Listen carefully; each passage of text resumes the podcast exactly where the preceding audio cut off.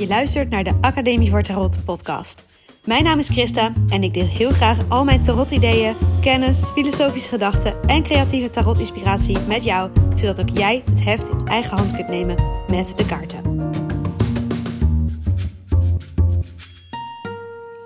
Welkom, welkom bij weer een nieuwe aflevering. Ik wilde vandaag een anekdote vertellen over een um, consult, een kort consult dat mij heel erg is bijgebleven. En dat was bij een bruiloft. En daar kwam een uh, jongen van uh, jaar of 11 of 12. Hij zat in groep 8. Uh, met zijn moeder. Want ik ga natuurlijk niet kaart leggen voor een minderjarige zonder toestemming. Maar zijn moeder was erbij. En die, die zei ja, hij vindt het ook interessant. En, maar kun je, kun, je dus ook, kun je ook kaarten leggen voor kinderen? En ik had er toen eigenlijk ook nog nooit heel erg over nagedacht. Alleen maar zo van, hè, als ouders geen toestemming geven, dan doe ik het sowieso niet. Maar als ouders wel toestemming geven, ja, daar had ik dus eigenlijk geen. Uh, ja, had ik gewoon nooit over nagedacht of ik dat wel of niet zou doen. En uh, toen dacht ik, nou, we gaan het gewoon proberen. En ik dacht meteen, oké, ik moet nu wel op een heel ander niveau of een heel ander level eigenlijk hè, over de kaarten praten. Want ja, voor kinderen een legging doen is toch wel even iets anders dan voor volwassenen. Dus ik vroeg, uh, ik vroeg hem, nou, hè, waar heb je misschien een vraag over? Ik noemde wat voorbeelden van, nou, misschien wil je het hebben over school of over uh, een hobby die je hebt of over je vrienden. Nou, ik vond het zelf nog best lastig om, om dingen aan te dragen, maar hij zei, ja, um, ik heb binnenkort een wiskundetoets. Hoe kan ik daarvoor leren? En ik dacht, wauw, hebben zich op acht al wiskunde. Maar oké, hij had blijkbaar wiskunde. Uh, niet rekenen, maar echt wiskunde. Nou, oké. En um, de vraag was: hoe kan ik dus goed leren voor de toets? Toen dacht ik: oké, we gaan uh, het legpatroon doen. Uh, waar moet ik mee stoppen? Waar moet ik mee starten? Waar moet ik mee doorgaan? Dus drie keer advies over uh, die wiskundetoets. En wat ik zo leuk vond, naderhand heb ik opgeschreven wat heel kort uiteindelijk de interpretaties waren van iedere kaart. Je wordt gesmak, maar dat is mijn zoontje.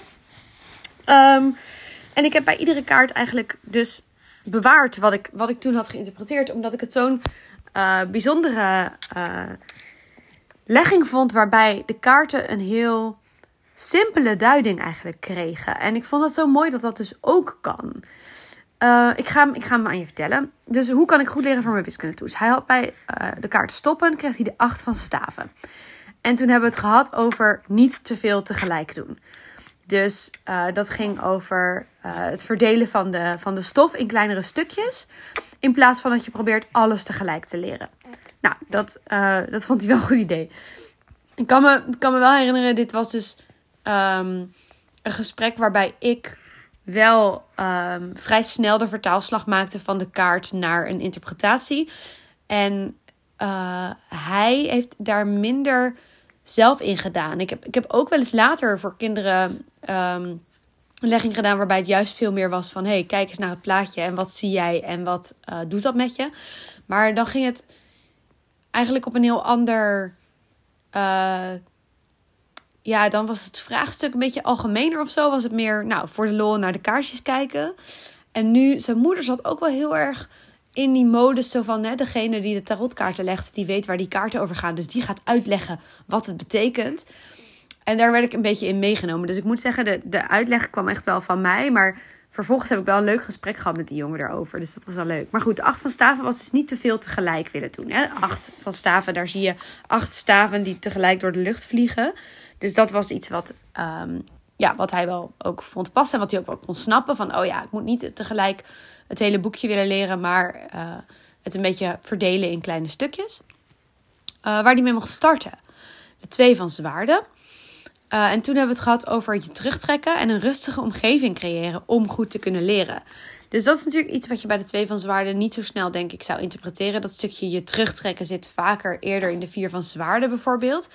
Maar ja, deze persoon met die, met die handen zo voor de borst, een beetje zichzelf beschermend en een blinddoek voor. Dus niet te veel om zich heen kijkend. Ik denk dat, dat we het daar vooral over gehad hebben. Van kijk, deze persoon die zorgt ervoor te focussen door niet te veel afleiding op te zoeken.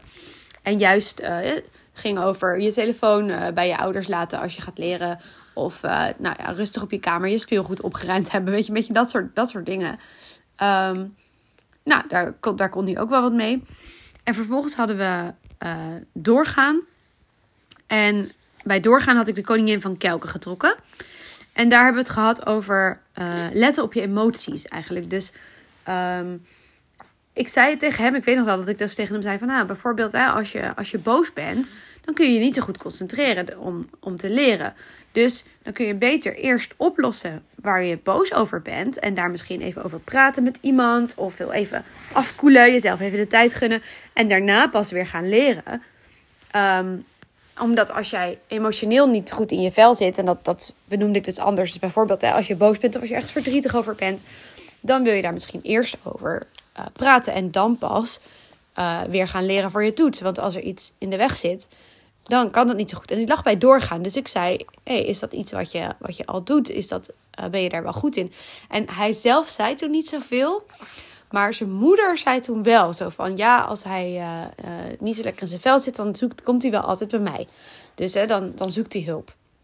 Dus daar hadden we toen over dat we. Toen hebben we, gaf eigenlijk zijn moeder hem een compliment van: hey, kijk, ik vind dat je dit, dat je dit goed doet.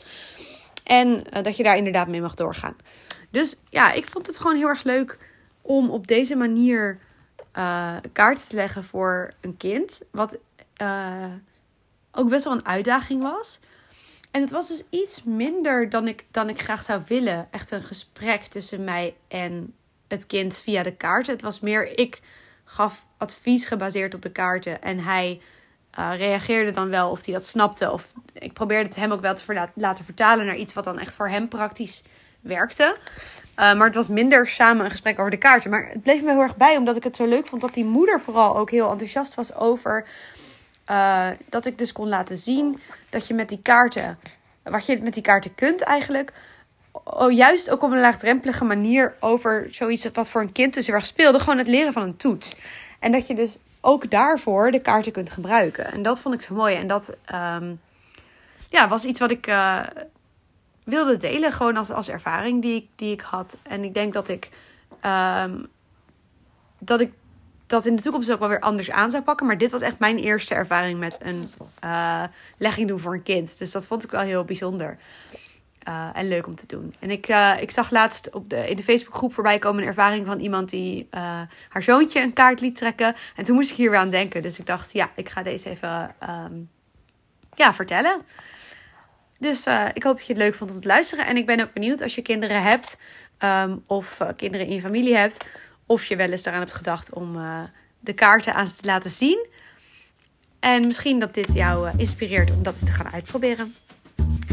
Goed, dankjewel weer voor het luisteren. Tot de volgende podcast.